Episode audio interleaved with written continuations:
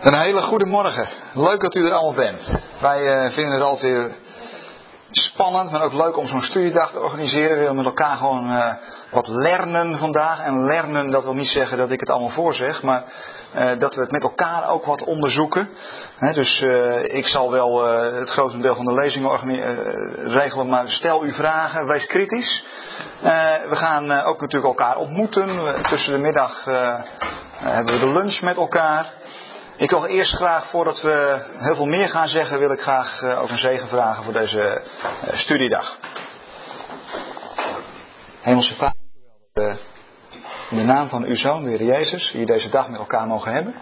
Dank u wel voor, ja, voor de ontmoetingen die er al geweest zijn. Dank u wel dat we ook u mogen ontmoeten en uw woord mogen openen. Hier over een thema wat, wat allerlei vragen, gevoelens, verwachtingen oproept. Wilt u ons uh, wijsheid geven als we uw woorden gaan openen? Heer, vraag uw zegen over deze dag, over deze studiedag. Dat we bovenal dichter bij u mogen komen en dichter bij uw hart. Uw hart voor ons, uw hart voor de volkeren. Dank u wel dat, dat u verschrikkelijk veel van deze wereld houdt en ook van ons. Heer, en uh, dat de eindtijd daar niet los van staat, maar dat het een onderdeel vormt van het grandioze plan wat u heeft met uw schepping. U ons zegenen in Jezus' naam. Amen. Uh, hoe zit de dag een beetje in elkaar? We hebben vanmorgen beginnen we met uh, een, een, lezing. En, en die lezing, uh, daar ga ik u zo nog het een en ander over vertellen. maar voor die tijd, om, om u een beetje wakker te schudden, om eens te kijken van waar staan we nu met elkaar heeft, uh, heeft Peter een paar, een paar stellingen bedacht. En, en die stellingen die, uh, die zijn redelijk prikkelend. En gewoon niet om daar een hele morgen over te gaan praten, maar gewoon kort tien minuutjes eens even te kijken. Hé, hey, wat voor soort vragen roept dat nu op en hoe staan we er met elkaar nu in? Uh, ik zal zelf ook op de stellingen reageren. Ik heb er zelf ook niet echt over nagedacht. Ik heb ze even gezien en dacht van nou dat gaan we morgen eens even bekijken. Peter, jij had een aantal stellingen. Ja. Zoals, uh, okay. zoals Wim al zei, het thema dat kan uh, wat gevoelens, wat gedachten en verwachtingen wakker roepen. Misschien heeft u die al wel, maar met de stelling hoop ik die nog wat meer expliciet te krijgen. Inderdaad even de bedoeling dat we, nou ik stel eigenlijk voor um, dat ik een stelling voorlees en dat we eerst even kijken met gewoon wat handen, zo van nou dat, dat ja of nee hè, en, en dan ook wat reacties. Uh, ik zal ze niet gaan beantwoorden in de zin van, nou, dit is het antwoord en dit is het, uh, uh, het verhaal erbij. Maar wel om eens even te kijken van wat leeft er nou onder ons als het gaat om het thema de eindtijd. een van de eerste stellingen die ik had opgeschreven is de stelling, de eindtijd is al aangebroken. Um, ik heb er nog achter gezet, Jezus komt binnen één generatie terug. Nou, laten we maar gewoon eens even kijken. Wat is eh, de, de verhouding? Wie denkt onder ons dat de eindtijd reeds is aangebroken? En dan zie ik 1, 2, 3, 4. Ja, roept u maar, wat zegt u? Wat is een generatie? Een generatie, ja, dat is een goede vraag. Tussen de 40 en 60 jaar, hè, is een Bijbelse generatie. Nee, dat zijn tegenvragen. Eerst even gewoon, wat roept het bij je op? Ja of nee? Geel, ja of nee? Dat, en even je hand. Als je ja zegt, als je ja zegt, steek maar even je hand op. We komen bijna op de helft. Het is nog net niet de helft. De helft onder ons denkt ongeveer dat de eindtijd dat is aangebroken. Ik wil even van iemand horen een, een stelling waarom die denkt dat de eindtijd niet is aangebroken. Dus iemand die zijn vinger niet heeft opgestoken. Dirk? Ja, als je kijkt vanuit de Bijbelse, tenminste zoals ik het lees, de Bijbel leest over de eindtijd heeft, dan zijn het toch die richting die zeven jaren, zeg maar, uh, met verdrukking en uh, tempel. Dus dat is volgens mij de eindtijd. Oké. Okay. Dus jij zegt, uh, als ik het vertaal, als ik om me heen kijk, dan denk ik nog niet dat de eindtijd is aangebroken, die verdrukking is nog niet aangevangen. Nou, het is niet alleen de verdrukking, maar ook die, de weg daar naartoe, maar dat is maar een korte periode. Oké. Okay. Dus, Oké. Okay. Iemand anders die zegt van nou, ik heb een hele duidelijke aanwijzing dat de eindtijd helemaal nog niet aangebroken is? Of het tegenovergestelde, wat noemt u een hele duidelijke aanwijzing dat de eindtijd wel is aangebroken? er komt nog een hele messiaanse tijd dat Israël herstelt met tempel en alles.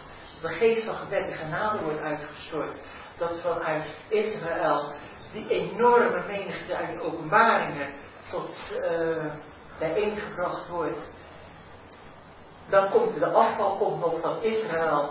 Dus het gaat zo enorme tijd zijn. Dan pas de eindtijd. Kijk aan, dus u zet het even al op een rijtje, maar dat duurt voorlopig nog wel eventjes in uw idee dat dat... Oké. Iemand, ehm, ja? Ik, eh, ik vind het wel eh, apart dat bijvoorbeeld uit heel de wereld Joden naar, eh, eh, van, vanuit heel de wereld naar Israël trekken. Weet ik veel, zelfs van Ethiopië of Arabië of Zuid-Afrika of zo, weet ik niet van waar. En alles ook super snel. Als je kijkt eh, wat, wat eh, volgens mij moeder heeft mijn oma heeft meegemaakt van verandering in haar eh, tijd. Mhm. Ja. Vergelijken met de veranderingen die mensen nu meemaken. Ja, ja. Nou, ik zat daar wel een beetje op te wachten. Hè. De rol van Israël noem je namelijk. Jij vindt een teken van de, van de eindtijd, die dus. Je zei, ik denk dat die aangebroken is. Hè? Een teken daarvan is dat eh, eh, uit, uit, hele, uit de hele wereld allerlei Joden naar het land Israël gaan. Het is hetzelfde wat ik zeg van het herstel van Israël. Het herstel van Israël. En het herstel van Israël, kijk, dat was natuurlijk gelijk mijn volgende stelling. Mijn volgende stelling is: het huidige Israël is geen vervulling van, de, van een eindtijdprofetie uit de Bijbel. Pas als de Joden in de wereld en masse tot bekering komen, dan komt de Heer Jezus terug en hij zal de Joden dan pas verzamelen uit het, naar het beloofde land. Dus ik stel hier, het huidige herstel van Israël heeft eigenlijk nog niks te maken met de eindtijd. U zegt, ik vind dat het. Deze is erg zwart-wit, maar De rest is erg zwart-wit. Te kort door de bocht. Het ook- Ja, maar dat is altijd bij een stelling natuurlijk, anders is het niet duidelijk genoeg. Vertelt u eens, waarom vindt u het te kort door de bocht? We zien altijd in de loop van de hele Bijbelse geschiedenis, met, met, met, Abraham, met Jacob, die grijpen altijd op God vooruit. En zo is de staat is er ook om vooruitgrijpen op het uiteindelijke plan. En God werkt door alle rommel, voldoet God op zijn plan. Ik dit ook. Dus het, eh, het huidige herstel van het land Israël en, en het, trekken van de Joden, nou, dat, eh, dat is een vooruitgrijpen op de uiteindelijke vervulling, zegt u. Oké, dus is het nou wel of niet een, een vervulling van de eindtijdprofetie? Een, een vervulling er wel van, ja. Oké, Het de, ik zeg het met de rabbijn van de kamp, misschien is dit het begin van onze verlossing. wie denkt dat ook? Even handen. ja, zo wel. Zo wel, kijk, dit is een duidelijke stelling. Maar u heeft wel een kleine minderheid. Ja, maar dat geeft in de middag niet altijd gelijk. Kijk. Eh, een andere stelling is, eh, als Jezus terugkomt, dan is het afgelopen. Hij zal de levenden en de doden oordelen en de mensheid wordt vanaf dat moment verdeeld in twee groepen. De ene gaat naar de hemel en de andere groep gaat naar de hel. Zwart-wit hè, de stellingen. Wie denkt dat als de Heer Jezus terugkomt, het gewoon is afgelopen, komt er het oordeel en dan weten we hoe de, eh, de twee wegen scheiden zich. Dan begint het pas. Dan begint het pas. Zijn hier mensen geen. eh, ik, krijg hier voor geen handen omhoog, zie ik wel. Nou, als schrift met jongetje, moet kijk je aan. Ja, vond ik ook, daarom heb ik hem opgeschreven. Waarom, waarom zegt u van eigenlijk moet ik als schrift met jongetje daar ja op zeggen? Is het u zo altijd geleerd? Of? Ja, generaties lang. En eh, eh, ik denk, denk de dankbaarheid terug aan mijn opvoeding. Dat eh, heeft mijn gezin maar. eh ja, hier ben ik op de loop der jaren toch wat anders over denken. Ja, waarom? Hoe komt dat? Door studie en, en door je spreekt dus mensen, eh, studiedagen en je gaat het daarvan op een andere manier leven. Ja, maar dat is niet iets wat u eh, zeg maar in de preek als schrift jongetje eh, ooit bent tegengekomen dat er nog iets is na de terugkomst van de Heer Jezus? Je zit ook in de, in de prediking waar ik verkeer in die groepering, is er een lichte tendens, mensen die misschien toch geen klein beetje wakker worden. Maar als je predikant bent, is het heel moeilijk, want ja, eh, je zit met je gezicht. Ja, Brood eet die het woord en spreekt. Wiens brood men eet, diens woord men spreekt. Zo, dat is ook een huidige stelling. Ehm, mag ik eens even weten, dat is misschien toch wel wat persoonlijk. Wie is er eigenlijk, wie voelt er een soort onbehagen, misschien zelfs wel angst als het gaat over de eindtijd? 1, 2, 3, voorzichtig, de vingers worden niet zo hoog gezet. 4. Oké, en wie zegt jongens, ehm, nee, ik word alleen maar vervuld met eh, dankbare gevoelens als ik denk aan de eindtijd. Ook dat gaat de meeste mensen te ver. Ehm, k- kan er iemand zeggen wat, wat zijn grootste zorg is als hij denkt aan de eindtijd? Ja? Nou, ik, eh, ik heb bijvoorbeeld een ingenomen familieleden. Ja. Dus uh, als ik dan geloof dat voor de eindtijd uh, dat wij dan als. Mm -hmm. Dat is natuurlijk fantastisch. Dus ik heb eigenlijk gemengde gevoelens. Maar ik weet wel dat er familieleden misschien achterblijven. Ja. Die mij heel uh, na hart liggen. Ja. En die dan wel in die eindtijd terechtkomen. En dat, ja, dat waren. Ja. Ook al weet ik dat God uiteindelijk alles in allen wil worden. Ja. En ik wil toch wel. Uh, en ben eens op mijn kind eigenlijk wil. En ook niet. Zo, dan gaan de nekharen van overeind staan, hè, als u daar goed over nadenkt. Ja. ja. U zegt die opname, dat zit me toch een beetje dwars. Ik kan, hè, ik kan dan wel gered zijn. Ja. Het is moeilijk, hè, om daarna te verlangen met het idee dat er dan anderen die u lief heeft misschien achterblijven. En niet even alleen mijn. Ja. Nou. Als je hoort waar de wereld. Nog maar zitten. Ja. Tot uh, 300 jaar wel. Zo werkt niet. wordt het nog zo lang niet. Ja. Ik weet nog dat, uh, even verliefd op mijn vrouw Saskia. En we waren nog niet getrouwd, maar we hadden toen wel een datum. En dat, uh, dat plannen we zo een jaar van tevoren. En ik weet nog dat ik in die periode dacht, nou, Heer Jezus, wacht nog maar even. Want ik wil eigenlijk eerst wel getrouwd raken.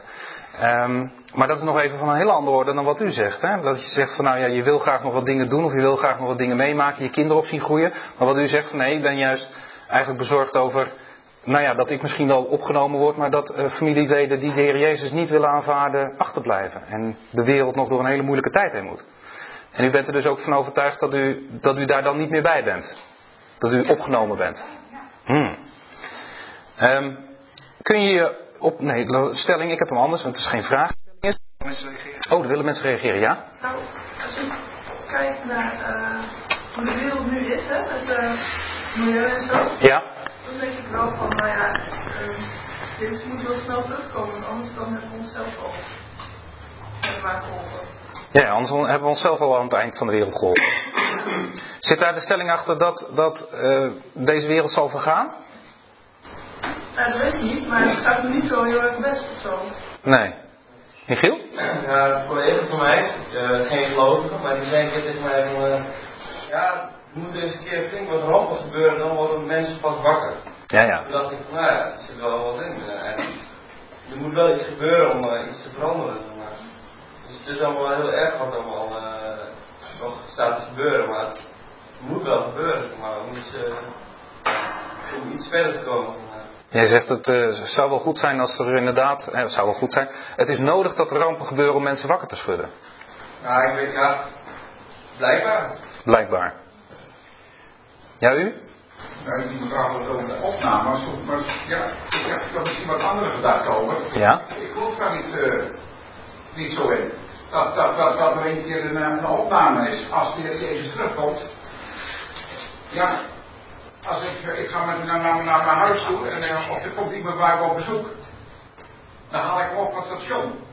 En dan gaat hij naar mij toe en dan ga ik niet naar, met hem mee. Ja, ja. En ook met, met, met, met, als de Heer Jezus komt, dan komen we wat dan gaan we naar de aarde. Met die grote bedruk dat wij er niet meer zijn, dan heb ik, nee, dat, dat, dat nou, u merkt dat als we er zo over praten, dan de een zegt van ja, met die opname zit ik. En de ander zegt van nou nee, ik zie toch anders naar die opname. Ik kijk er anders uit tegenaan. Ik denk dat het ook nog wel terugkomt bij Wim. Want de opname is natuurlijk wel een, een onderwerp waar je niet omheen kan als we praten over de eindtijd. Neem het op. Neem het op. en ik wil er nog eentje ingooien voordat we de stellingen afsluiten. Um, nee, twee eigenlijk nog. Mag dat Wim? Eén is, op de eindtijd kun je of moet je je voorbereiden. Jezus vraagt of je er klaar voor bent, want de een wordt in een oogwenk opgenomen en de ander niet. Want we kwamen natuurlijk op de opname, daar had ik dus ook een stelling over. Op de eindtijd moet of kun je je voorbereiden. Jezus vraagt dat. Ja? Ja, ik, uh, ik, ik voel een soort benauwdheid soms in de samenleving dat iedereen trekt om, om je aandacht. Ja. Er zijn milieuactivisten of uh, ik doe best UNICEF of zoiets. En ik denk dat hier wel gewoon, ja, ik heb wel het gevoel van, ja, ik wil wel meer weten wat er nou staat geschreven. En wat, uh, wat, wat, wat de Bijbel ons nou uh, zegt. Dus dat je meer richt op het woord, dat je geestelijk gezien gewoon beter zicht hebt. Omdat iedereen roept om je aandacht. Mm -hmm. Je werkgever voor je carrière, van je moet uh, hard werken, want anders dan kom je niet meer aan de ja. arbeidsmarkt of zo. Dus ja, dat je gewoon weet wat is nou belangrijk, zeg maar. Dus jij bent je aan het voorbereiden op de eindtijd? Ja, ik ben wel uh, bezig met de Bijbel en uh, En wel studies ook van jullie uh, te beluisteren. Ja, ja. Te bekijken. Dat zie je als een. En wie, wie, wie, zegt, wie zegt van zichzelf: Ik ben me eigenlijk ook wel aan het voorbereiden op die eindtijd? Ik, ik ben daarmee bezig en ik doe daar ook wat iets. Ja? Kunt u vertellen hoe dat, hoe dat bij u zit? Die voorbereiding? Hetzelfde, op mijn net zei. Ik ben opgegroeid van, oh Jezus komt terug en uh, dat is het dan. Ja. En ja, nu blijkt het misschien wel anders te zijn. Dus daarom zit ik ook hier om, Oké. om ja, te leren. En we hebben ook kinderen, dus Ja. belangrijk dat die ook, ja, hoe het precies gaat, dat zullen we misschien uh, nooit helemaal weten. Nee. Nee. Is wel belangrijk om goed te kunnen. Nou, hoe het precies gaat, ehm, dat was mijn en ik probeer nu eventjes vooruit te grijpen, want anders dan hebben we ondertussen heel veel wakker geroepen en heel veel van hol naar her geschoven natuurlijk. Dat is ook de bedoeling. Eigenlijk is het een beetje de bedoeling met de stelling ook dat jullie een beetje zoiets hebben van ja, nou is het een beetje chaos. Hoe zit het nou? De een zegt dit en de ander zegt dat. En dan is het dan Wim, en dat is helemaal niet zo'n schematisch man, maar ik heb wel begrepen dat hij met schema's komt vandaag. Dus ik ben heel benieuwd, want het is echt iets nieuws voor Wim. Eh, de laatste over de terugkomst van de Heer Jezus. Eh, stelling, de terugkomst van Jezus is te bepalen op het jaar nauwkeurig. Niet de uur of de dag, want dat weten we, dat staat in de Bijbel. Maar wel op het jaar nauwkeurig. Het gaat namelijk om 2000 jaar na zijn dood om opstanding. En als we dat een beetje terugrekenen, de Heer Jezus is eh, zeg maar zes jaar voor onze jaartelling geboren. Eh, dan zou dat ongeveer gaan over het jaar 2027, 2030. Wie kent dat soort jaartallen? Ja. U bent er bekend mee. En wie zegt van ja, daar hecht ik ook toch ook wel, wel uh, geloof in? Ja? Dan is het opeens heel dichtbij, hè? Ik hoop het, ja. Je hoopt het. Ik ben interval extra. Wie gaat er in 2030 precies met pensioen dan? Kijk, jij moet je hypotheek aflossen in 2030, of niet? Ja, het zou mooi uitkomen. ja? Nou, de profetieën voor de eerste komst van Jezus waren eigenlijk heel letterlijk uh, uit te rekenen. Ja. En uh, de verwachting in Israël was ook heel groot. Ja. Dat rond die tijd de Messias geboren zou worden.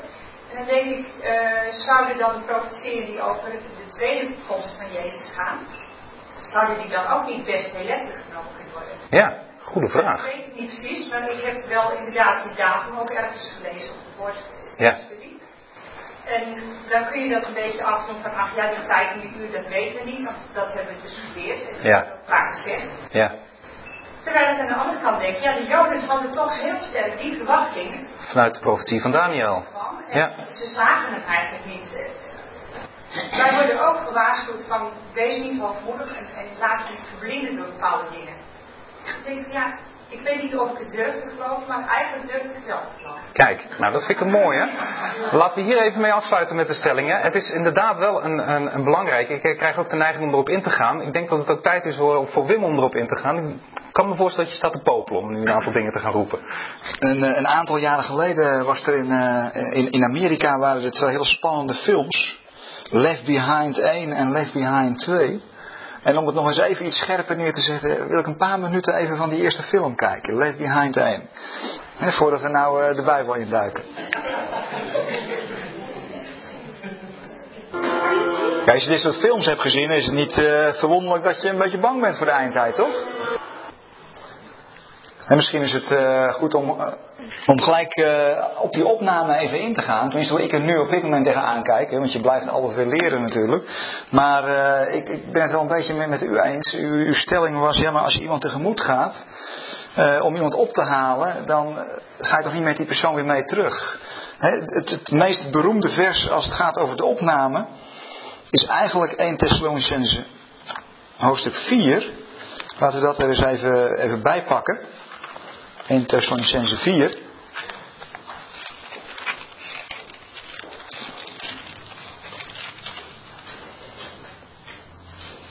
En uh, wat was er nou aan de hand? Uh, Paulus die, uh, die, die schrijft aan die Thessalonicense en op een gegeven moment, er was in die eerste eeuw, was er een enorme verwachting van de wederkomst van Jezus. veel discipelen die verwachten het in hun generatie nog mee te maken. Die verwachting werd nog eens aangewakkerd door Petrus. Uh, moet u maar eens kijken. In, de, laten we daar eerst even naar kijken voordat ik 1 Thessalonicense 4 open. In, in het boek Handelingen. Als Petrus een toespraak gaat houden. Uh, in Handelingen 3, zijn tweede toespraak. Dan dan wakkert hij die verwachting nog eens even flink aan. Handelingen 3 vanaf vers 17. Handelingen 3 vers 17. We zitten nu dus in de eerste eeuw. En daar, eh, daar zegt Petrus in Handelingen 3 vers 17. Volksgenoten, ik weet dat u uit onwetendheid hebt gehandeld, evenals uw leiders. Zo heeft God echter in vervulling doen gaan wat hij bij monden van alle profeten had aangekondigd. Dat zijn Messias zou lijden en sterven. Wend u af van uw huidige leven en keer terug tot God om vergeving te krijgen voor uw zonde. En wat zal er gebeuren als het volk op dat moment dat doet? Ze wenden zich af. Stel je eens voor, Israël hoort dat. En op dat moment zeggen ze massaal: Ja, Petrus, je hebt gelijk. Wij komen tot bekering. Wij gaan ons omkeren. Wat zal er dan gaan gebeuren? Ik zal er later nog op ingaan op dit vers in een ander verband. Dan, als zij dat doen, actie, reactie, dan zal de Heer een tijd van rust doen aanbreken. En zal hij de Messias zenden, die hij voor u bestemd heeft. Dat is Jezus. Die in de hemel moest worden opgenomen tot de tijd aanbreekt waarover God van oudsher bij monden van zijn heilige profeet heeft gesproken en waarin alles zal worden hersteld. In, eh, in, in de Statenvertaling wordt dat genoemd eh, in Handelingen 3. Eigenlijk, ja, geen mooi Nederlands, maar wel heel mooi wat er staat. In Handelingen 3 staat daar dan. Uh, er komt, wanneer de tijden, vers 19, der verkoeling zullen gekomen zijn van het aangezicht des Heren. er komt verkoeling. Het is erg heet en als het heel erg heet is, dan heeft iedereen verschrikkelijk veel behoefte aan verkoeling. Er komt verkoeling, er komt rust, er komt vrede. Uh, en dan gaat het in vers 21 in de Statenvertaling hebben ze het vertaald met uh, de tijden der wederoprichting aller dingen er komen tijden dat alles wat gebroken is, alles wat vernield is, en er is zoveel gebroken en vernield en geknakt, eh, misschien wel in je eigen leven. En, en, er komen tijden dat dat opnieuw, opnieuw wordt opgericht. ik weet dat Peter heeft de vorige keer, de vorige studieavond hier gehouden. En dan heeft hij het over oordeel gehad, vond ik heel mooi. En hij zei oordeel, er zit ook iets in van omhoog richten. Uh, oordeel, uh, wij zeggen altijd, ja, maar dan ga je naar beneden met oordeel. Maar ten diepste heeft oordeel een positief doel. En, en wat, wat gaat er nou gebeuren? De tijden van de wederoprichting, alles wordt weer opgericht. Er is een heel mooi lied uit opwekking, dat, uh, ik weet niet precies hoe het gaat, ik zal het zeker niet voorzingen. Uh, dat het, het geknakte riet verbreekt hij niet en wat, wat, wat bijna is uitgedoofd, dat blaast hij niet verder uit, maar hij gaat het juist allemaal weer herstellen. Dus als je het hebt over de eindtijd, dan heb je het over de wederoprichting van alle dingen. Over herstel ten diepste. Uh, en ja, Petrus heeft dat vuurtje hier aardig aangewakkerd, want letterlijk zegt hij, uh, als je nu tot bekering komt, vers 19, dan zendt hij Christus. Op dit moment. Dus er was een enorme eindtijdverwachting. Het, het, het spetterde er bijna vanaf. Een eindtijdverwachting die, die ik nu ook weer een beetje terug zie komen eigenlijk. Eh, Peter, heeft een beetje gepeild van hoe denken wij er nou met elkaar om. Nou, nou wij ook best wel. Ik bedoel, je merkt dat nu ook alweer in bepaalde segmenten, vooral in evangelisch Nederland, uh, best wel weer een, een, een toenemende eindtijdverwachting. Rond het jaar 2000 was dat ook, hè? trouwens bij het jaar 1000 ook al hoor.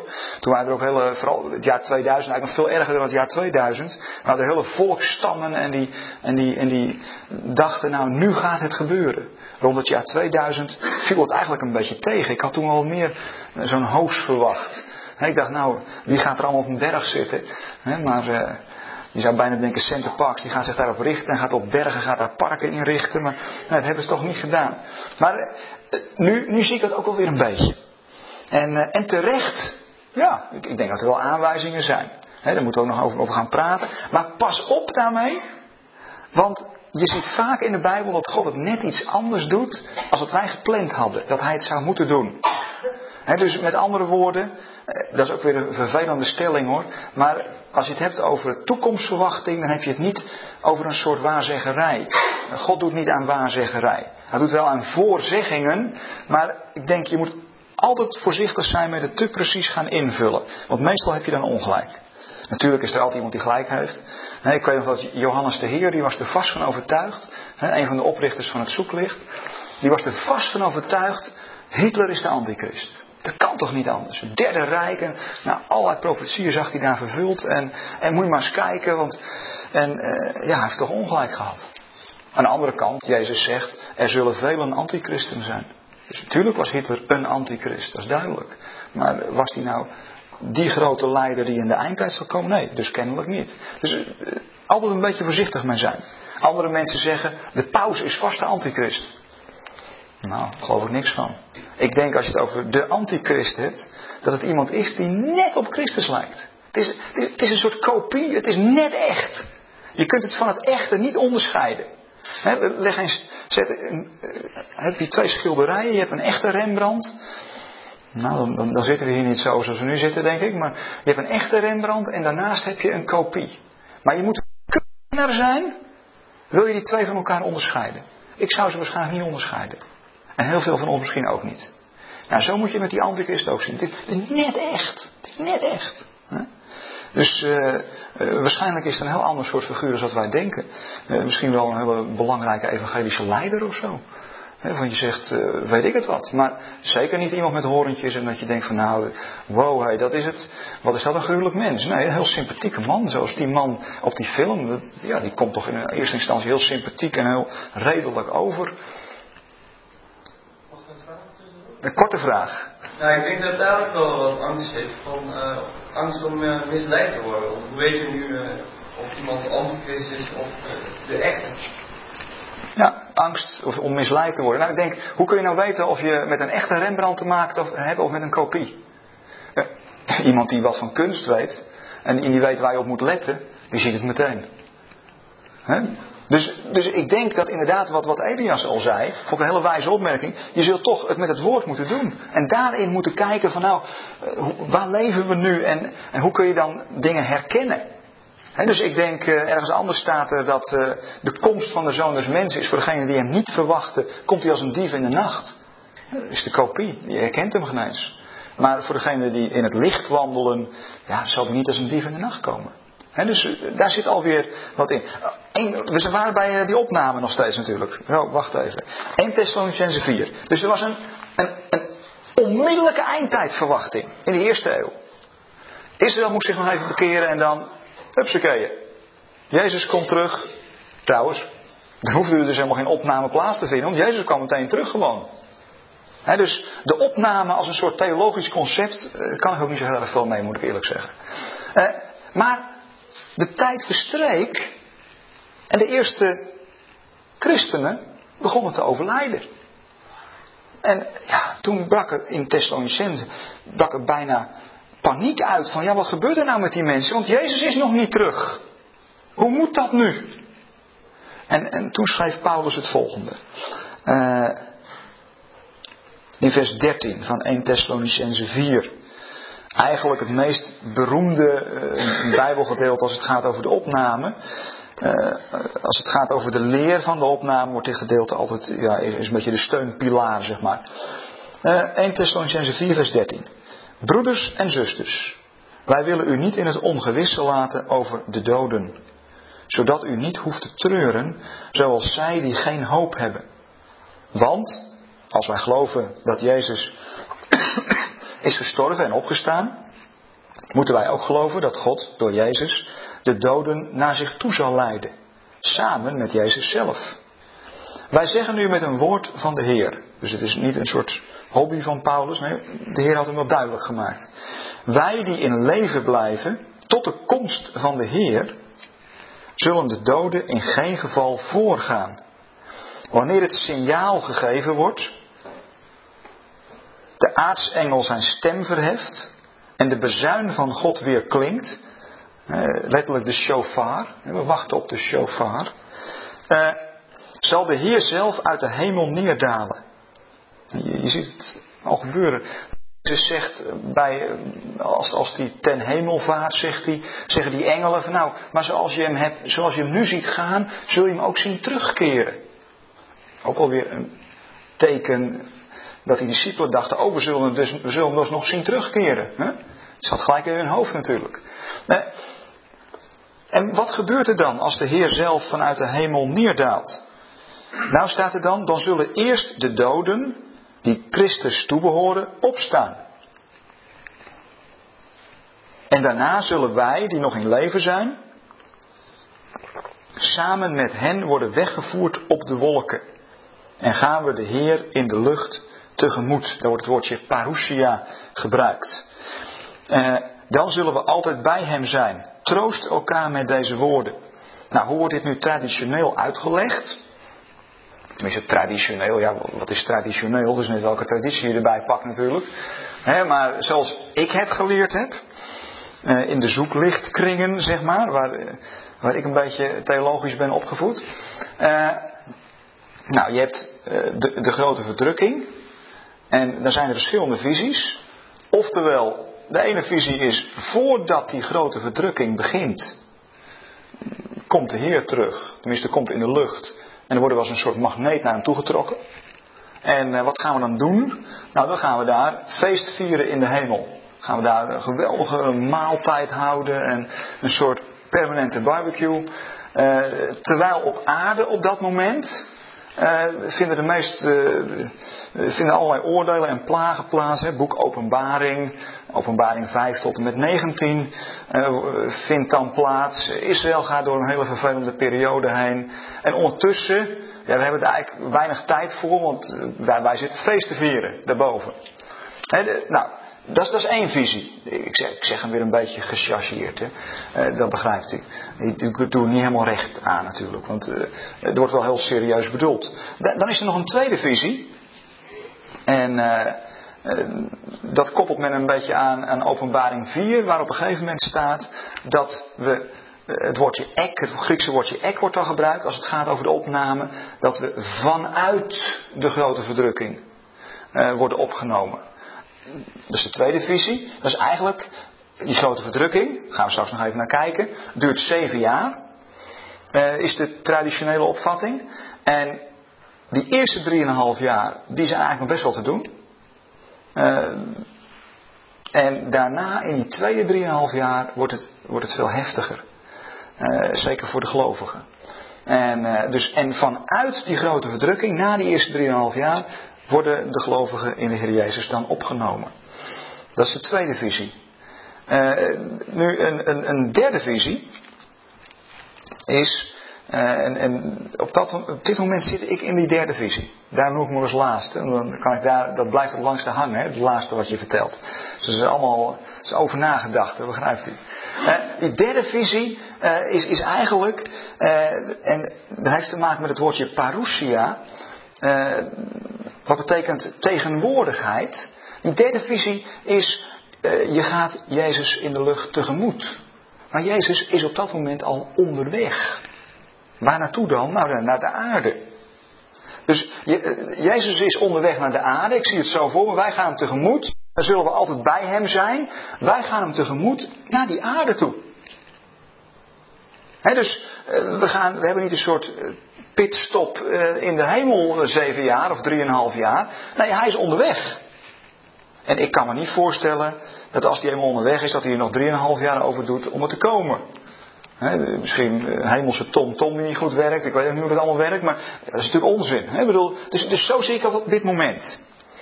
Ik, weet, ik ben een beetje door, uh, door Peter Slachter op dit spoor gezet. Die heeft ook alle visies ongeveer geloofd in zijn leven. Hij begon met uh, opname voor de grote verdrukking. Toen verschoof hij naar opname vanuit de grote verdrukking. nu is hij theologisch doorgeschoven naar, naar wat ik u nu vertel. Nou, als je 1 Thessalonicenses 4 goed gaat lezen, vind ik dat eigenlijk de meest logische uitleg. Ook gekoppeld aan het woordje parousia, uh, tegenwoordigheid. Dan ben je natuurlijk niet van alle problemen verlost. Want ja, wanneer is dat dan? Dat Jezus terugkomt. En wat zal dan onze rol zijn op die aarde? dus, uh, maar ik, ik, ik kan mij niet voorstellen, en dit is er even een bespiegeling, Eh, dus dan moet u altijd iets minder serieus nemen. Ik kan me niet voorstellen, als je kijkt naar hoe in de Bijbel gesproken wordt over eh, het, het, broeder en zuster zijn van elkaar en het vasthouden van elkaar, waar Israël toe opgeroepen wordt. Hè? Isaac moet Ismaël vasthouden. Jacob wordt geroepen om Esau vast te houden. En wij als gemeente uh, worden geroepen om de wereld vast te houden en die wereld niet op te geven. Dat wij als die wereld door een crisis heen gaat, wij er tussenuit knijpen. Zeggen nou wereld zoek het nu zelf maar uit, want uh, voor ons begint nu het feest. Dat, dat, dat, dat, lijkt me wat te veel op de uh, oud-gereformeerde opvatting. Uh, nou, niet alleen oud-gereformeerd geloof ik. Uh, dat wij straks in de hemel feest staan te vieren. En dat we een soort zo zie ik het maar een beetje voor me, uitzicht hebben op de hel. Uh, een soort panorama view of zo, kan je ook nog me voorstellen. Dat haal ik gewoon uit de schrift hoor. En, en dan kijken we daarna en dan zien we die mensen daar pijn hebben. En dan zeggen we, joh, wat zijn wij toch bevoorrecht dat wij hier feest mogen vieren. Nou, nou dat, dat is een beetje, dat stuit steeds meer mensen tegen de borst. Ook vanuit de Bijbel. Uh, maar dit lijkt er toch wel een beetje op. Deze visie op de opname. dus nou ja, uh, u begrijpt, u merkt al dat ik wat aarzelend ben en niet al te zwart-wit van een zo is het en niet anders. Ik denk als je het hebt over toekomstverwachting, dat je niet zo heel veel moet zeggen, zo is het en niet anders. Dat hebben in het verleden al te veel mensen gedaan. En tot nu toe hebben ze allemaal nog ongelijk gehad. Dus ja, dat maakt toch wel een beetje bescheiden, toch? Ik weet, jaren geleden uh, was ik op een, uh, een zoeklichttoogdag. En toen werd er een, een boek gratis uitgedeeld. En ik dacht, zo, dat gaat goed met zoeklicht. Ze van die dikke boeken zomaar uitdelen gratis. Door het oog der profeten. Ik heb hem nog ergens staan. Of misschien is die al uh, naar de slechte, dat kan hoor. Maar uh, in ieder geval, ik dacht, nou, toch eens even bladeren. Nou, op zich, uh, allemaal over de profetieën en zo. maar helemaal aan het einde, drie bladzijden lang, werden er aan die profetieën jaartallen gekoppeld. Dat jaar wordt dat vervuld en dat jaar dat. Alleen het enige probleem was, ja, u voelt hem al aankomen, uh, de data waren verlopen. He, dus ja, het klopte dus niet meer. Daarom, nou ja, u begrijpt het al, hè? Ik durf dat niet zo hard te zeggen, maar uh, ja, zo'n boek raak je natuurlijk aan de straatstenen niet meer kwijt. En het is ook een beetje pijnlijk om nou die laatste drie bassen eruit te gaan scheuren. Dan vragen mensen zich ook af, ja, wat mogen we dan niet lezen? Dus ik denk daarom moet je toch altijd een slag om de arm houden. En altijd daar toch een beetje voorzichtig mee zijn. Dus dat uh, even vooruitgrijpend uh, alvast over, uh, over de opname. ik hou helemaal niet van schemaatjes. Ook daar ben ik weer een beetje mee opgegroeid hoor, geestelijk gezien. ik heb theologie gestudeerd, heb ik drie jaar lang, heb ik één uur per week heb ik het vak bedelingen gehad. En dat betekent zoiets als de huishouding van God. Hè? In elke tijd werkt God er op een andere manier. Nou, ik, ik heb daar wat afstand van genomen in die zin dat ik denk, het is leuk als hulpmiddel. U hoort het wel, leuk als hulpmiddel. Hè? Dat is iets minder als van zo zit het precies in elkaar. En heel nuttig als hulpmiddel. Maar ook daar moet je weer, het is toch min of meer kunstmatig. Je legt min of meer kunstmatig leg je een schema erop. Ik weet pas geleden in een Bijbelkring hadden we een korte discussie over uh, uh, is, is de Bijbel een soort systeem.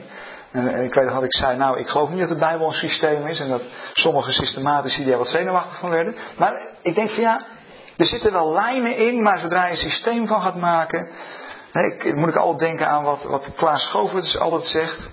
En ook weer zo'n leermeester van mij en van uh, velen van u volgens mij, uh, die zegt altijd van ja, weer moet je luisteren, God heeft geen kloppend systeem, maar een kloppend hart. En ik denk, als je te systematisch wordt, uh, dan kun je zomaar het hart kwijtraken. Gods hart voor mensen. Gods hart voor één mens. En al was er maar één mens. En God raakt geen mens kwijt. En in een systeem, in de systemen die deze wereld heeft voortgebracht, het kenmerk van systemen is dat het mensen vermaalt.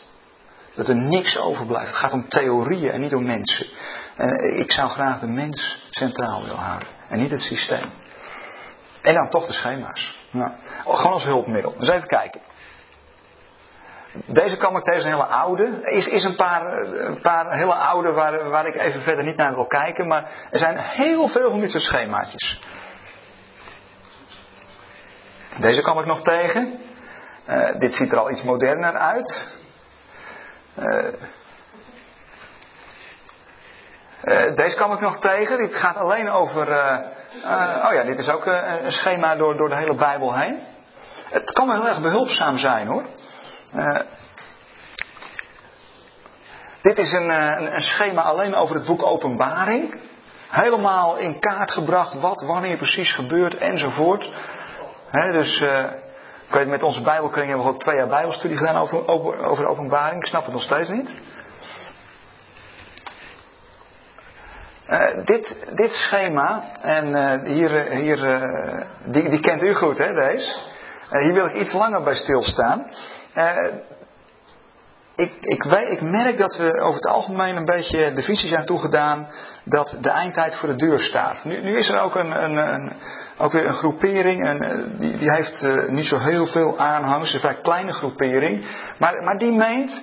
Uh, moet u eens goed kijken. we zitten. ja, deze microfoon die kan niet los en ik kan er niet naartoe lopen. Anders kan ik even wat dingen aanwijzen. heb ik een muis?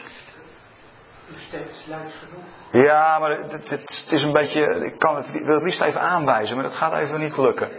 Hm? Nee, dat weet ik hoor. Nee, het is niet te lezen. Uh, als je kijkt naar uh, misschien wel het kopje, periode van het Oude Testament, is dat leesbaar? Het kopje erboven? Nee, je kunt niks lezen. Dat is een triste zaak. Uh, hm? Ik kan er naartoe lopen met de microfoon. Ah, Oké, okay. nou dat doe ik altijd even.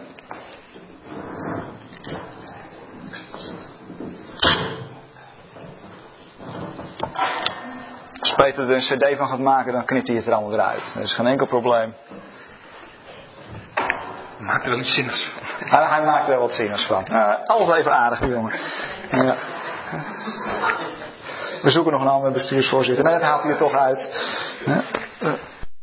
Als je kijkt naar, eh, naar deze visie, dan zal ik het u gewoon even vertellen wat er staat. Hè. Uh, periode van het Oude Testament, periode van de Evangelie, periode van handelingen.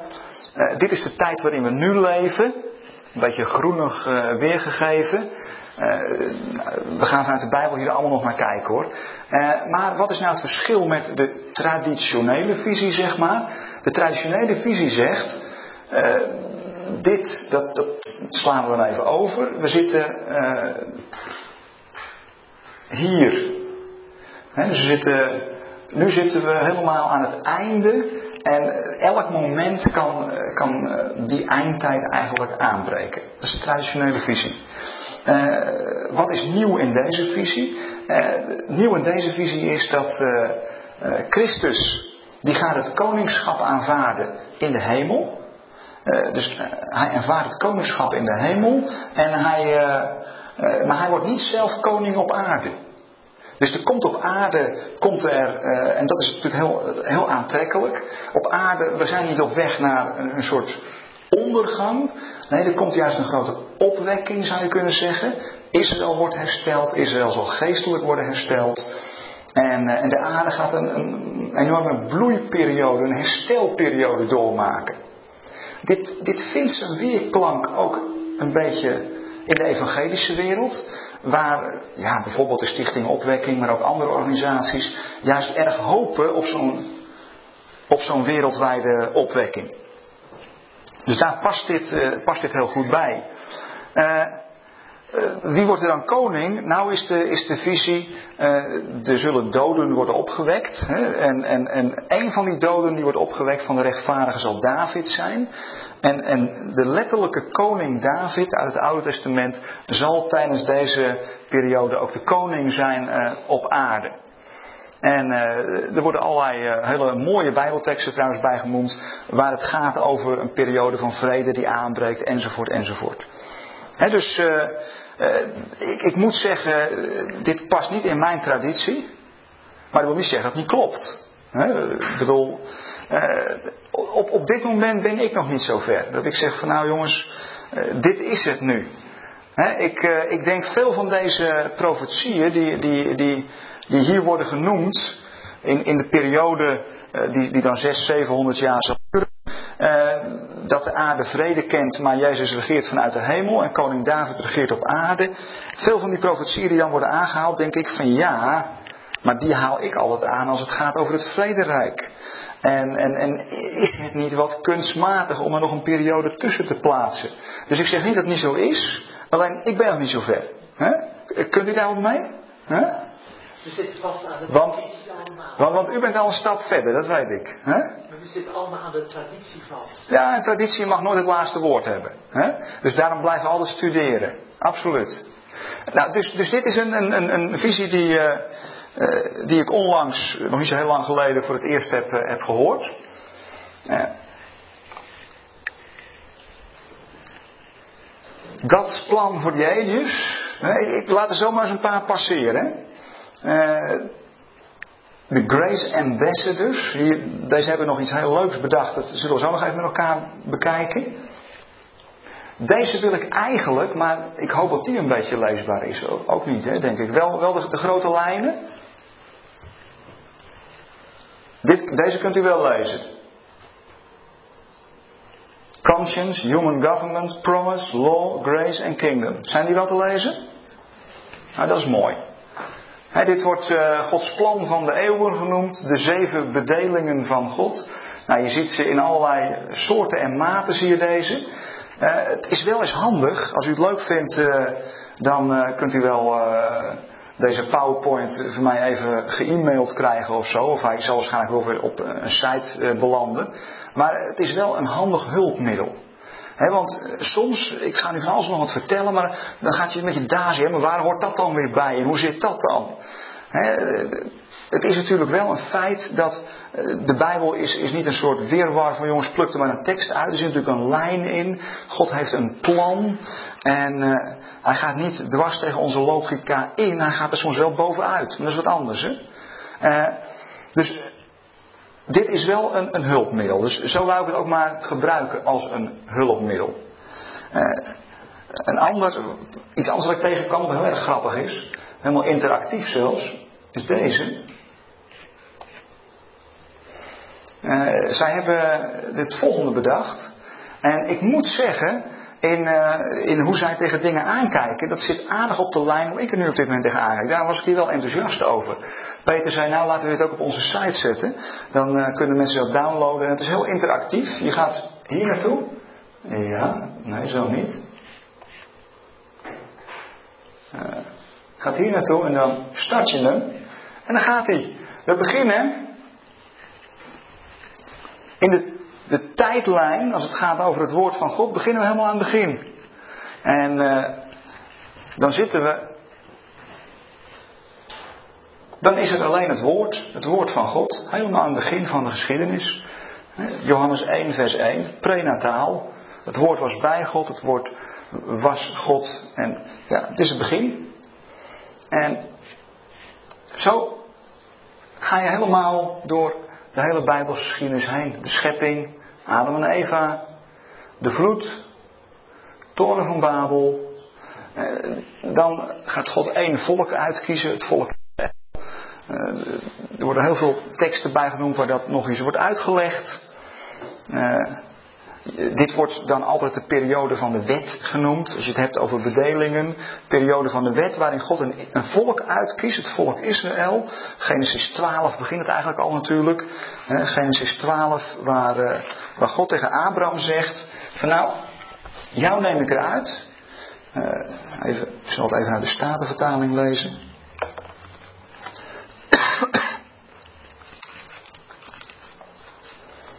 Eh, Genesis 12, vers 1. De Heer nu had tot Abraham gezegd: Ga uit uw land en uit uw maagschap en uit uw vaders huis naar het land dat ik u wijzen zal. Ik zal u tot een groot volk maken en u zegenen en uw naam groot maken en wees een zegen. En ik zal zegenen die u zegenen en vervloeken die u vloekt. En in u zullen alle geslachten des aardrijks gezegend worden. Hier begint God iets nieuws. Daarom wordt dit een nieuwe bedeling, een nieuwe manier van handelen van God genoemd. Uh, via Israël. Israël als licht voor de natie. Israël als licht voor de volkeren. Israël die de Torah krijgt. He, Gods aanwijzingen voor een goed leven. De bescherming van het leven. En andere volkeren, als die God willen leren kennen, moeten ze bij Israël zijn. En dat is dus de lijn van het hele Oude Testament. De hele Tenach. Uh, eigenlijk ook de lijn van het Nieuwe Testament. Uh, in ieder geval van de Evangelieën. Uh, weet u het nog? Dat Jezus die kwam en wat zei hij? Hij zei, ik ben gezonden tot de verloren schapen van het huis Israëls. Zei hij tegen die Canaanese vrouw. En uh, de discipelen, die zeggen vooraf nog, jaag dat mens weg. Wat moet dat mens? Nou, klinkt niet erg christelijk. Uh, en, Jezus en die, en die, vrouw die gaat dan door en, en die Canaanese vrouw, die heidense vrouw, en die zegt, ja maar de honden eten toch ook de kruimels van het brood wat van de tafel komt. Dus zij gaat in de positie van hond gaat ze staan. En, en dan zegt Jezus, groot, is uw geloof. dus, dus, dus, God handelt via Israël en andere volkeren die komen erbij, maar dan wel via, uh, via Israël. Uh, dan gaat het schemaatje weer verder. Het oude verbond, de wet. Uh, weet u wat, ik nou gelijk een nadeel van het schema vind? Uh, al het woordje, de lol. He, ik, ik, denk, uh, soms heb je een te negatief beeld, kun je door dit soort schema's krijgen van de wet. de wet, dat is fout en dat is slecht. En, terwijl ik denk van als je de Torah neemt, dat is leven en, en, en dat is niet zozeer een nomos van dit niet en dat wel, maar het is de bescherming van het leven. Het is de omheining van het leven. Daarbuiten is het onbewoonbaar. Het, het maakt een leven bewoonbaar. Dus eh, ik pleit voor een positieve benadering eh, dan, dan dat zo'n schema ons vaak indwingt. Nou, wat blijkt uh, Israël kan zich eigenlijk uh, kan niet leven naar de verwachtingen. En ze hadden gezegd op de Sinaï, weet u het nog? Uh, Mozes die zei van nou, God wil dat jullie zijn volk worden. En dan zegt het volk massaal, we zullen het doen en we zullen er naar horen. En, en, en daarmee nemen ze een verantwoordelijkheid op zich die ze eigenlijk niet waar konden maken. En dat is natuurlijk hartstikke triest. En, en wat blijkt nu? Israël is een voorbeeld gebleken voor alle andere volkeren. dus een, een, een volk wat uit zichzelf zegt, wij zullen dat volk van God zijn. Wij zullen het maken. En dat is een soort triomfgedachte die ik soms ook nog wel tegenkomt in, in sommige segmenten van onze, uh, van onze kerken. Waarin mensen zeggen, ja maar wij gaan er helemaal voor. En we are the chosen people. En wij zullen het gaan maken. Ik denk van ja, zo'n soort triomfgedachte. Het, het, is bij Israël niet gelukt. En ik denk dat het bij ons uiteindelijk ook niet zal lukken. Ik heb wel eens uh, half voor de grap gezegd. Maar ja, als ik dingen half voor de grap zeg, dan moet je altijd oppassen. Want dan meen ik het wel een beetje hoor. Uh, van ja, als God Israël nou uiteindelijk heeft verworpen. Omdat ze het niet waar konden maken. En, en, en wij hebben eigenlijk die rol overgenomen. En dat doen we nu al 2000 jaar bijna. Hebben wij het dan wel waargemaakt? Als, als God zo echt in elkaar zit, hebben wij het dan wel waargemaakt? Of zitten we ook op de wip? En zal God bijna zeggen, nou kerk, helaas, jullie hebben het ook niet gered. Restafval, de prullenbak is bijna vol. Uh, misschien komt de vuilophaaldienst bijna. Uh, wie gaan we dan nog uitkiezen? Wie wordt dan het derde volk van God? Ja, ik denk niet dat er heel veel vrijwilligers zijn. maar uh, Israël had behoefte aan een Messias, een verlosser. En die verlosser die kwam. Johannes de Doper geroepen om uh, de komst van de Messias aan te kondigen. Jezus die kwam wel, maar tot onthutsing van zijn discipelen want dat hadden ze niet verwacht. Wat was de Messias verwachting? De Messias zou komen. En die zou uh, het volk Israël verlossen. En, en, en dan, dan zou het koninkrijk aanbreken. Eh, het koninkrijk zullen we straks nog wel aardig wat over gaan kijken. En, en, en het koninkrijk zou er zijn met Israël, met de Messias op het troon. En Israël is het grote zendingsvolk van God. en wat doet die Messias? Komt hij eindelijk in Jeruzalem? Want daar moest hij toch zijn. En het leek wel of Jezus Jeruzalem steeds ontweek.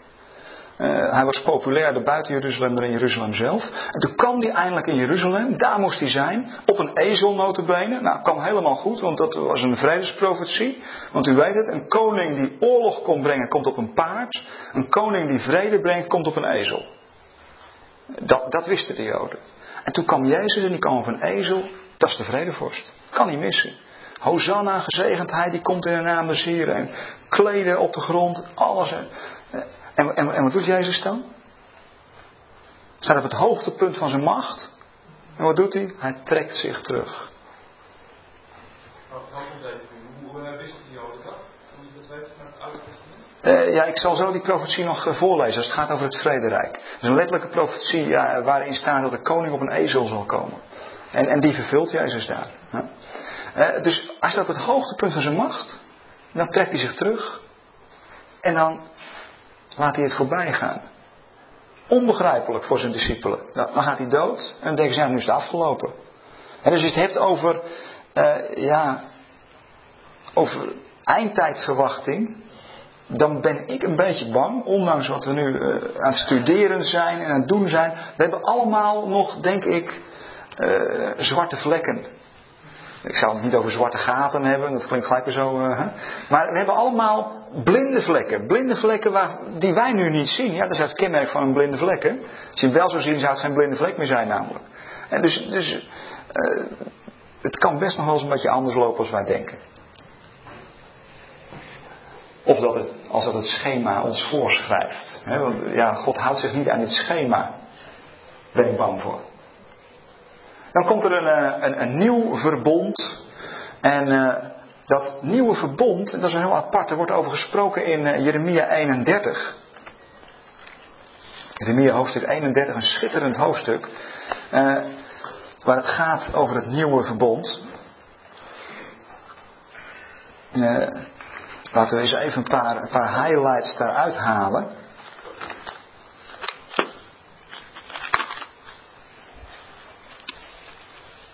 Jeremia 31, vers uh, 31. 31, 31. Daar staat: De dag zal komen, spreekt de Heer, dat ik met het volk van Israël en het volk van Juda een nieuw verbond sluit. Een ander verbond dan ik met hun voorouders sloot, toen ik hen bij de hand nam om hen uit Egypte weg te leiden. Zij hebben dat verbond verbroken, hoewel ze mij toebehoorden, spreekt de Heer. En dat, nou, dat hebben we net al, eigenlijk allemaal gezien. Israël die niet naar de belofte kan leven, maar die het verbreekt. En, en wat is Gods reactie? Een nieuw verbond. Geen verwerping, maar een nieuw verbond. Uh, maar dit is het verbond dat ik in de toekomst met Israël zal sluiten, spreekt de Heer. Ik zal mijn wet, mijn Torah, in hun binnenste leggen en hem in hun hart schrijven. Dan zal ik hun God zijn en zij mijn volk. Men zal elkaar niet meer hoeven te onderwijzen met de woorden leer de Heer kennen, want iedereen, van groot tot klein, kent mij dan al, spreekt de Heer. Ik zal hun zonde vergeven en nooit meer denken aan wat ze hebben misdaan geweldig dit. En dus, maar er staat wel bij, moet eens opletten, dit zal God in de toekomst met Israël sluiten, dit verbond. En dus, uh, dat is de toekomstverwachting van Israël. Dwars door alles heen is dat het einddoel. Daar werkt God naartoe, naar dat nieuwe verbond. Ja, zult u dan zeggen, maar is dat nieuwe verbond dan niet met de kerk gesloten? Dat is ook weer zo'n heet hangijzer, hè? Wat ik maar even, even, even noem hoor. Er, er is nooit een verbond met de kerk gesloten. Noem mij één verbond dat met de kerk is gesloten. Dit nieuwe verbond, evenals het oude verbond, wordt met Israël gesloten. De kerk staat, er eigenlijk, staat eigenlijk buiten de verbonden. Ja, we hebben toch deel aan de verbonden? Ja, in Christus. Want in Christus zijn we ingelijfd. Uh, dus dan hebben we in Christus deel aan de verbonden. We hebben in Christus deel aan die edele olijf. Uh, maar met de kerk zelf is nooit een verbond gesloten. Uh, moeten we even, even in de gaten houden. Maar hoe zit het dan met die kerk? Nou, mag ik u een geheimje vertellen? Niemand in het Oude Testament rekende erop dat er een kerk zou komen.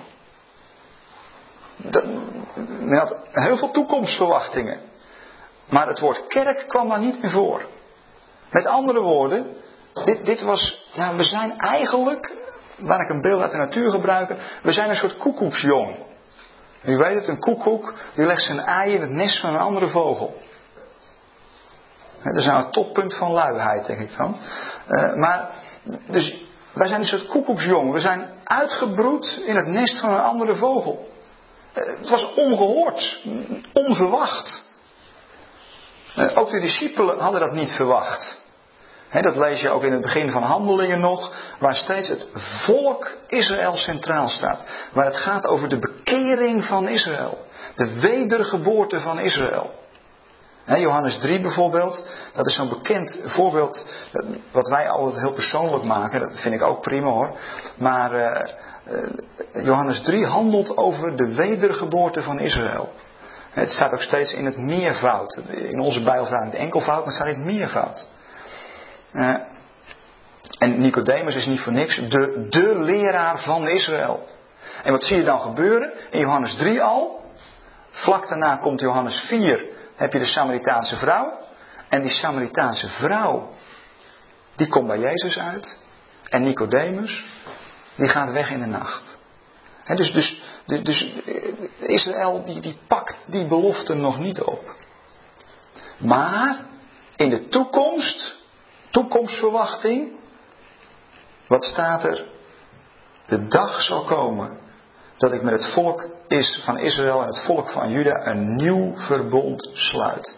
En dit is volkomen eenzijdig. Dat is ook mooi, hè? Het, het begint eigenlijk in de Bijbel, het begint eenzijdig. God sluit een verbond met Abraham, Genesis 15. Genesis 15, uh, Abraham valt in slaap.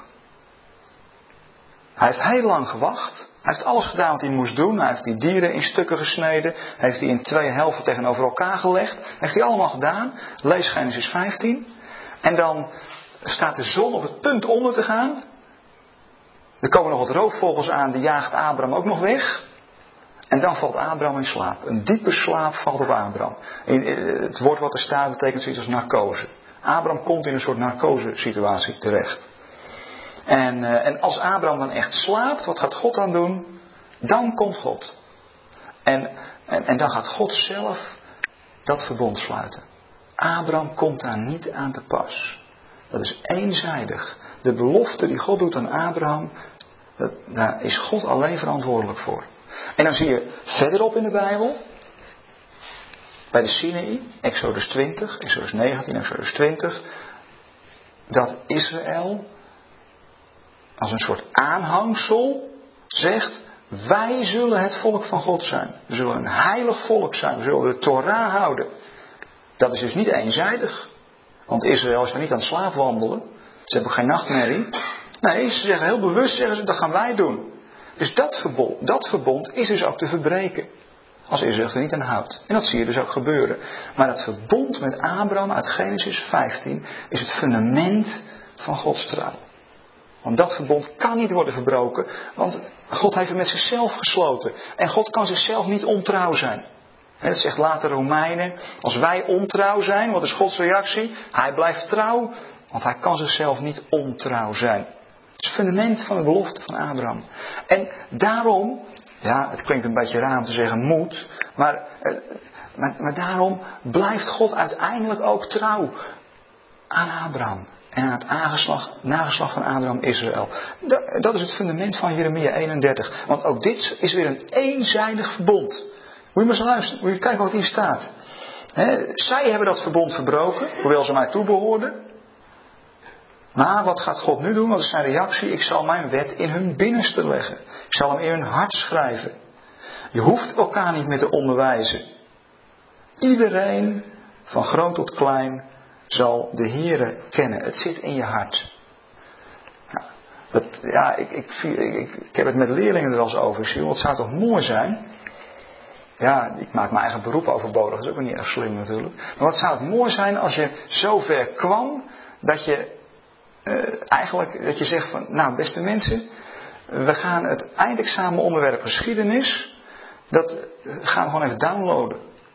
Dus je, hebt een soort, op een of manier weet je, weet je je hersens verbinding met een computer te maken. En dan download je dat gewoon even. Dan zit het erin. Ja, als school moet je er misschien wel voor betalen. Aan de andere kant, misschien kun je ook alweer ergens een kopietje maken. En dan heb je het in je hoofd zitten. Moet ik me dat zo voorstellen? Ik denk het niet, want het gaat over het hart, het gaat niet over het hoofd. Hè? Het gaat over relatie. Oké. Nou, wat zie je gebeuren? Hier zitten we bij handelingen in het begin. Uh, allerlei tekenen en wonderen gebeuren er. En uh, uh, ja, er is eigenlijk de verwachting dat Jezus snel zal terugkomen. Daar hebben we het al over gehad. En, dan staat er mystery revealed. Nou, wat bedoelen ze daarmee? Ze bedoelen ermee dat ja, Israël komt niet tot geloof. Het gebeurt niet. Jan van Banneveld, ook een bijbelleraar waar ik altijd veel van heb geleerd. Jan van Banneveld die zegt op een gegeven moment, we leven in de tijd van het uitgestelde koninkrijk. Het, het lijkt alsof God, dat, dat dat plan van God, dat, dat, dat, dat, dat gaat, door, gaat door. Op een gegeven moment wordt het afgeknipt. Of uitgesteld. We leven in de tijd van het uitgestelde koninkrijk. Dat koninkrijk wat wat weer zal worden gesloten met Israël. Jeremia 31, dat nieuwe verbond, alles wat ermee te maken heeft. Maar ja, dat is nu niet aan de orde. En eh, wat is denk ik het dramatische wat, wat de kerk soms heeft geprobeerd om te zeggen, ja maar het koninkrijk, dat zijn wij. Het is zelfs heeft het in de theologie een plek gekregen dat we al in het koninkrijk leven. Dan denk ik van nou, als dit het vrederijk is, dan wil ik niet weten wat de grote verdrukking is. dus, maar we hebben geprobeerd dat, dat, dat naar onszelf toe te halen. Nee, deze periode wordt in de Bijbel genoemd de periode van het geheimenis. Het, het is een geheim. We leven in een geheim. Nou, dat moet iedereen die van detectives houdt toch aanspreken. En dit wordt ook wel genoemd uh, de bedeling van de genade. Nou, dit vind ik weer wat misleidend, want ik denk dat genade, ja, iets krijgen voor niets, dat is natuurlijk uiteindelijk uh, Gods karakter. Dus dat kun je niet uh, samenvatten in één periode. Maar dit is wel de periode waarin dat er heel duidelijk uitkomt. God is genade.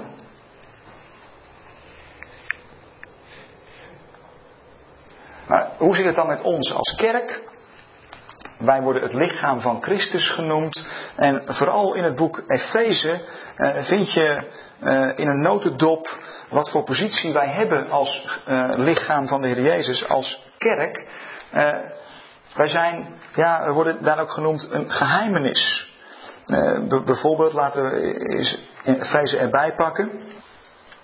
Efeze hoofdstuk 3. Efeze 3. Vanaf vers 1. Daarom is het dat ik, Paulus, gevangene, omwille van Christus Jezus, voor u heidenen bid. U moet toch wel gehoord hebben eh, dat God mij de taak heeft toevertrouwd om de genade door te geven die mij met het oog op u geschonken is. Mij is in een openbaring het mysterie onthuld waarover ik hiervoor in het kort heb geschreven. Aan de hand Daarvan kunt u zich, wanneer u het leest, een beeld vormen van mijn inzicht in dit mysterie van Christus. Geheimenis, mysterie. Eh, het is onder de vorige generaties niet aan de mensen onthuld, maar nu door de geest geopenbaard aan zijn heilige apostelen en profeten. De heidenen delen door Christus Jezus, ook in de erfenis, maken deel uit van hetzelfde lichaam en hebben ook deel aan de belofte op grond van het evangelie. Uh, dan gaat dat nog even wat verder. Uh, van dat evangelie ben ik een dienaar geworden door de gave van Gods genade. En let erop hoe vaak het woord genade voorkomt. Die ik ontvangen heb door zijn kracht die in mij werkt. Mij, de allerminste van alle heiligen, is de genade geschonken om de heidenen de ondoorgrondelijke rijkdom van Christus te verkondigen. En voor allen in het licht te stellen hoe het mysterie dat in alle eeuwen verborgen was in God, de schepper van het al, werkelijkheid wordt. Zo zal nu door de kerk de wijsheid van God in al haar schakeringen bekend worden aan alle vorsten en heersers in de hemelsferen, naar het eeuwenoude plan of het plan der Ionen, eh, dat Hij heeft verwezenlijkt in Christus Jezus onze Heer. Het woordje mysterie valt op. En, en, en de bijzondere positie van, van ons als lichaam van Christus, als kerk. we hebben. Uh, we zitten in, in een positie in, in de wereldgeschiedenis wat eigenlijk in het Oude Testament nog onbekend was. Dat er zo'n periode zou aanbreken. Uh, dus, je ziet dus, ja. Uh, nee, de vraag is, kerk en lichaam van Christus, is dat identiek? Uh, nee, het zou mooi zijn als het wel zo was. Maar nee, kerk, het, het, ligt aan hoe je kerk definieert. Als je kerk definieert als alle volgelingen van Jezus, vanuit je hart, dan is het identiek. Als je kerk definieert uh, zoals het zich in de geschiedenis heeft gemanifesteerd, een instituut, een wereldreligie, nee, dan is het niet identiek. Het lichaam van Christus, dat zijn gelovigen in de Heer Jezus. En of die nou naar een kerk gaan of niet, doet eigenlijk niet ter zaken. Want ze horen namelijk gewoon bij het lichaam van Christus. Veel dingen die we nu in de kerk doen, die hebben we gewoon met elkaar afgesproken. En het is best wel handig om een bepaald tijdstip te hebben hoor. Maar het hoort allemaal niet specifiek bij het lichaam van Christus. Nee. In het Testament volgen, volgen de, sommige Joden ook al de geest van Christus. Zeg bijvoorbeeld in dat uh, die, uh,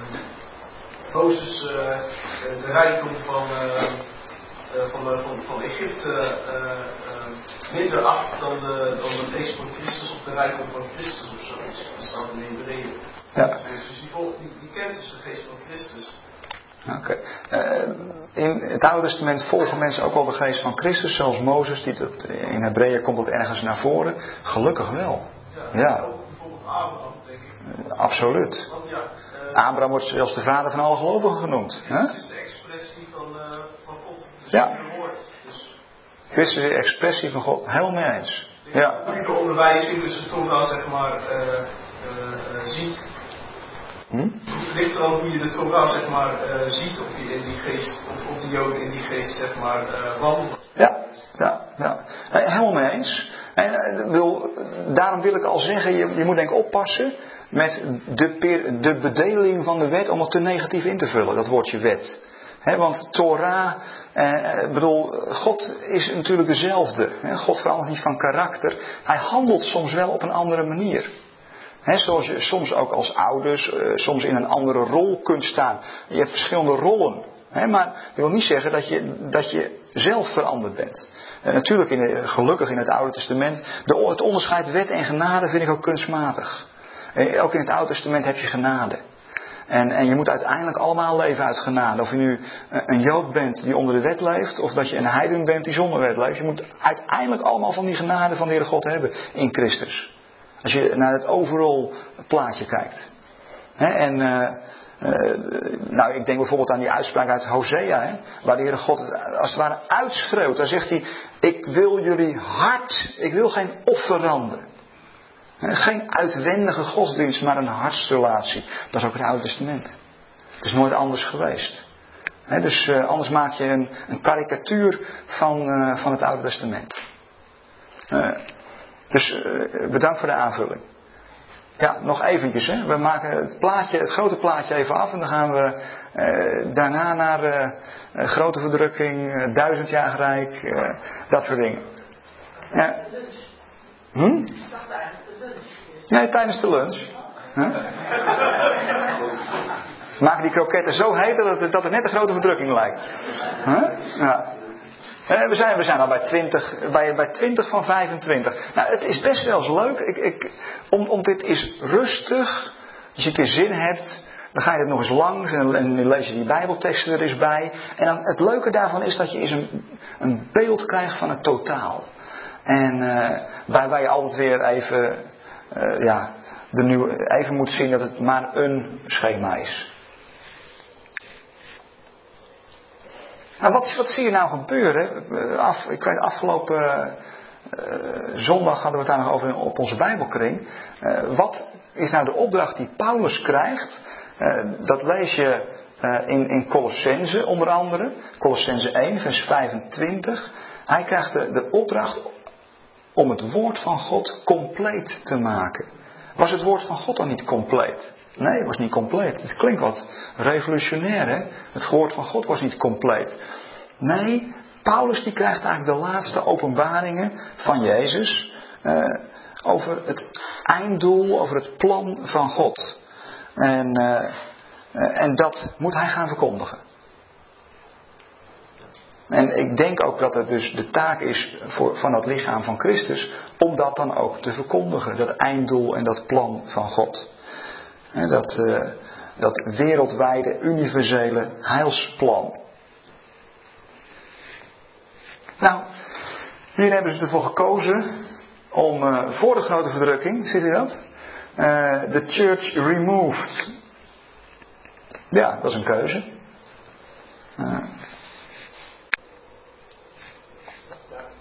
En dan, en dan, en daar gaan we natuurlijk straks verder op in. Dan komt de wrath of God, oftewel het oordeel van God.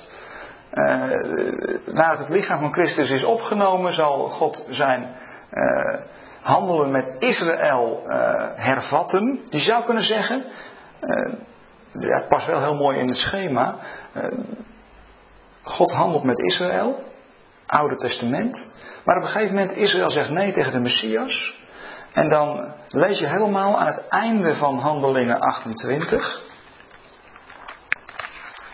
Door heel handelingen heen, blijven er pogingen uh, om, om, om Israël alsnog bij te betrekken. Maar Israël, tenminste als volk, er zijn heel veel Joden die tot geloof komen, maar als volk blijft steeds nee zeggen. En dan helemaal aan het einde van Handelingen 28 lijkt het wel alsof, uh, ja, de scharnier dan omgaat en dat Israël definitief, definitief tussen haakjes, uh, voor een periode buitenspel staat. Want wat lees je dan in Handelingen 28? Paulus die, eh, die zit in Rome. Paulus eh, die heeft daar een ontmoeting met een aantal Joodse mensen. En dan schrijft Paulus daar, Handelingen 28 vers 23.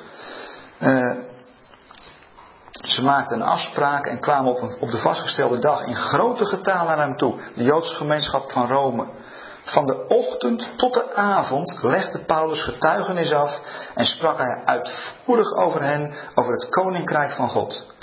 Terwijl hij hen op grond van de wet van Mozes en de profeten voor Jezus probeerde te winnen. Sommigen lieten zich overtuigen door zijn woorden, maar anderen bleven ongelovig. Dus dat volk Israël als volk wilde maar niet tot geloof komen. Sommigen wel, anderen niet. Ze werden het niet met elkaar eens en gingen uiteen, maar niet voordat Paulus nog een laatste woord had gesproken. Nou, dat is wel een uitsmijter hoor, wat Paulus nu gaat zeggen. Ik zou dat niet nadurven te zeggen. Maar het is wel een soort scharnier wat hij hier legt. Eh, dan, dan, dan, zegt Paulus, volkomen terecht heeft de Heilige Geest bij monden van de profeet Jezaja tegen uw voorhouders gezegd. Ga naar dat volk en zeg, jullie zullen goed luisteren, maar niets begrijpen. En jullie zullen goed kijken, maar geen inzicht hebben. Dat is natuurlijk een drama voor een leraar, dit zoiets. Hè? Want het hart van dit volk is afgestompt, hun oren zijn doof en hun ogen houden zij gesloten.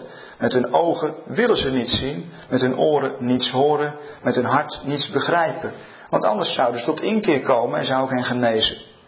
U moet dan ook weten dat God deze boodschap van redding al aan de heidenen bekendgemaakt heeft. Zij zullen wel luisteren. Dus dit wordt dan als een soort, dit is een soort scharnier. Israël wilde niet, nu komt er een nieuwe periode en daar komen de heidenen rechtstreeks in beeld. En, en als die periode van de heidenen afgelopen is, daar gaan we straks nog even kijken, dan gaat God die, die, die lijn met Israël weer oppakken. En, en dan komen we in wat we noemen de eindtijd. Uh? Eh, handelingen 28 vanaf vers 23. Ja, is een vrij heftig uh, tekstgedeelte moet ik zeggen. wat je trouwens ook in het Nieuw Testament al ziet hoor. Als het gaat over, over de uitleg van de gelijkenissen, dan zegt Jezus op een gegeven moment tegen zijn discipelen: Jullie is het gegeven. Omdat ik jullie het rechtstreeks uitleg. De anderen niet. En dan citeert hij ook weer dit gedeelte uit Jezaja. Uh, ooit zei iemand, eens op een avond, en zei, het lijkt wel alsof God dan een soort spel speelt.